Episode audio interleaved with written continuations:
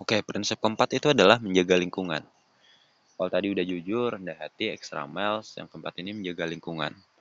Kenapa menjaga lingkungan itu penting? Lingkungan itu lebih ke apa yang ada di luar kita ya, lingkungan kesehatan, lingkungan hidup, dan sebagainya. Kenapa? Karena lingkungan itu adalah tempat hidup kita. Kalau lingkungan kita aja udah rusak, maka hidup kita juga rusak. Pola pikir kita nggak jernih dan sebagainya. Memang kita nggak selalu bisa menyalahkan lingkungan di mana kita berada. Kita selalu punya keputusan untuk memilih A, B, C. Tapi kan tetap itu menjadi sumber pemikiran kita. Kalau kita ada di lingkungan baik, seenggaknya kita udah punya modal untuk mengambil keputusan yang baik. Ya. Tapi tetap menurutku lingkungan itu menyumbang 50% dalam kehidupan kita. Enggak 100%. Dan genetik itu juga 50%. 50% itu adalah keputusan kita, pikiran-pikiran kita untuk menentukan ke mana kita mau hidup. Kalau dalam biologi itu kan kehidupan seseorang, apa pun itu ditentukan oleh gen dan lingkungan. Oke, itu baru terjadi kalau kita hewan atau tumbuhan. Karena mereka nggak punya keputusan, nggak punya pola pikir, nggak punya rasional, hati. Tapi kita punya hati. Jadi, gen dan lingkungan itu hanya menyumbang 50% bahkan kurang. Bisa lebih kalau orangnya nggak mau mikir. Jadi, 50% itu harus kita maksimalin dengan kita membuat strategi baru, pola pikir yang baru bahwa kita tuh bisa loh menjadi orang baik di tengah lingkungan yang buruk. Makanya ada kan orang yang jadi ustadz padahal lingkungannya tuh semuanya pelacur. Ada orang yang hebat padahal orang tuanya tuh nggak punya.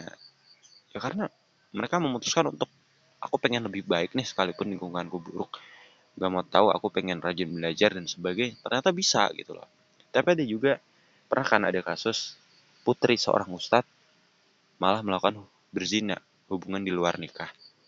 Padahal lingkungannya bagus. Orang tuanya ulama. Apalagi kaya. Punya privilege. Tapi ternyata melakukan begitu itu kan keputusan dia. 50% dia gunakan untuk hal buruk. Ya kan?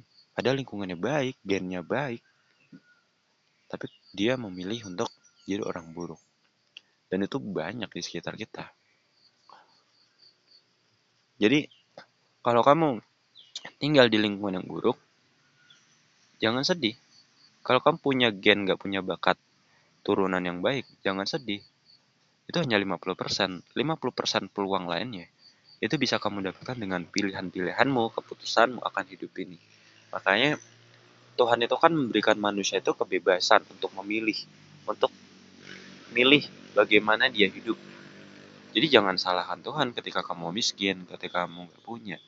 Tuhan udah kasih kamu potensi kok, tapi nggak kamu gunain dengan baik.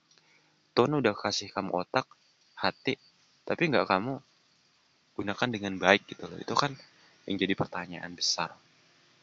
Jadi,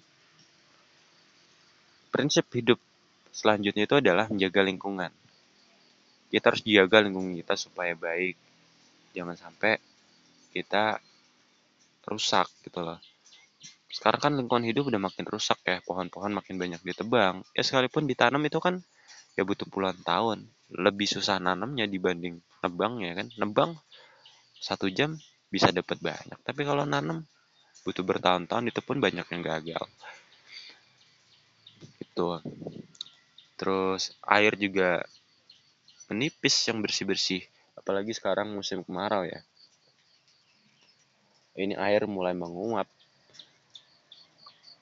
Terus udah lama nggak turun hujan udah berbulan-bulan. Bahan makanan yang enak-enak itu udah menipis. Karena apa sumber daya alam udah berkurang karena rumah karena bangunan.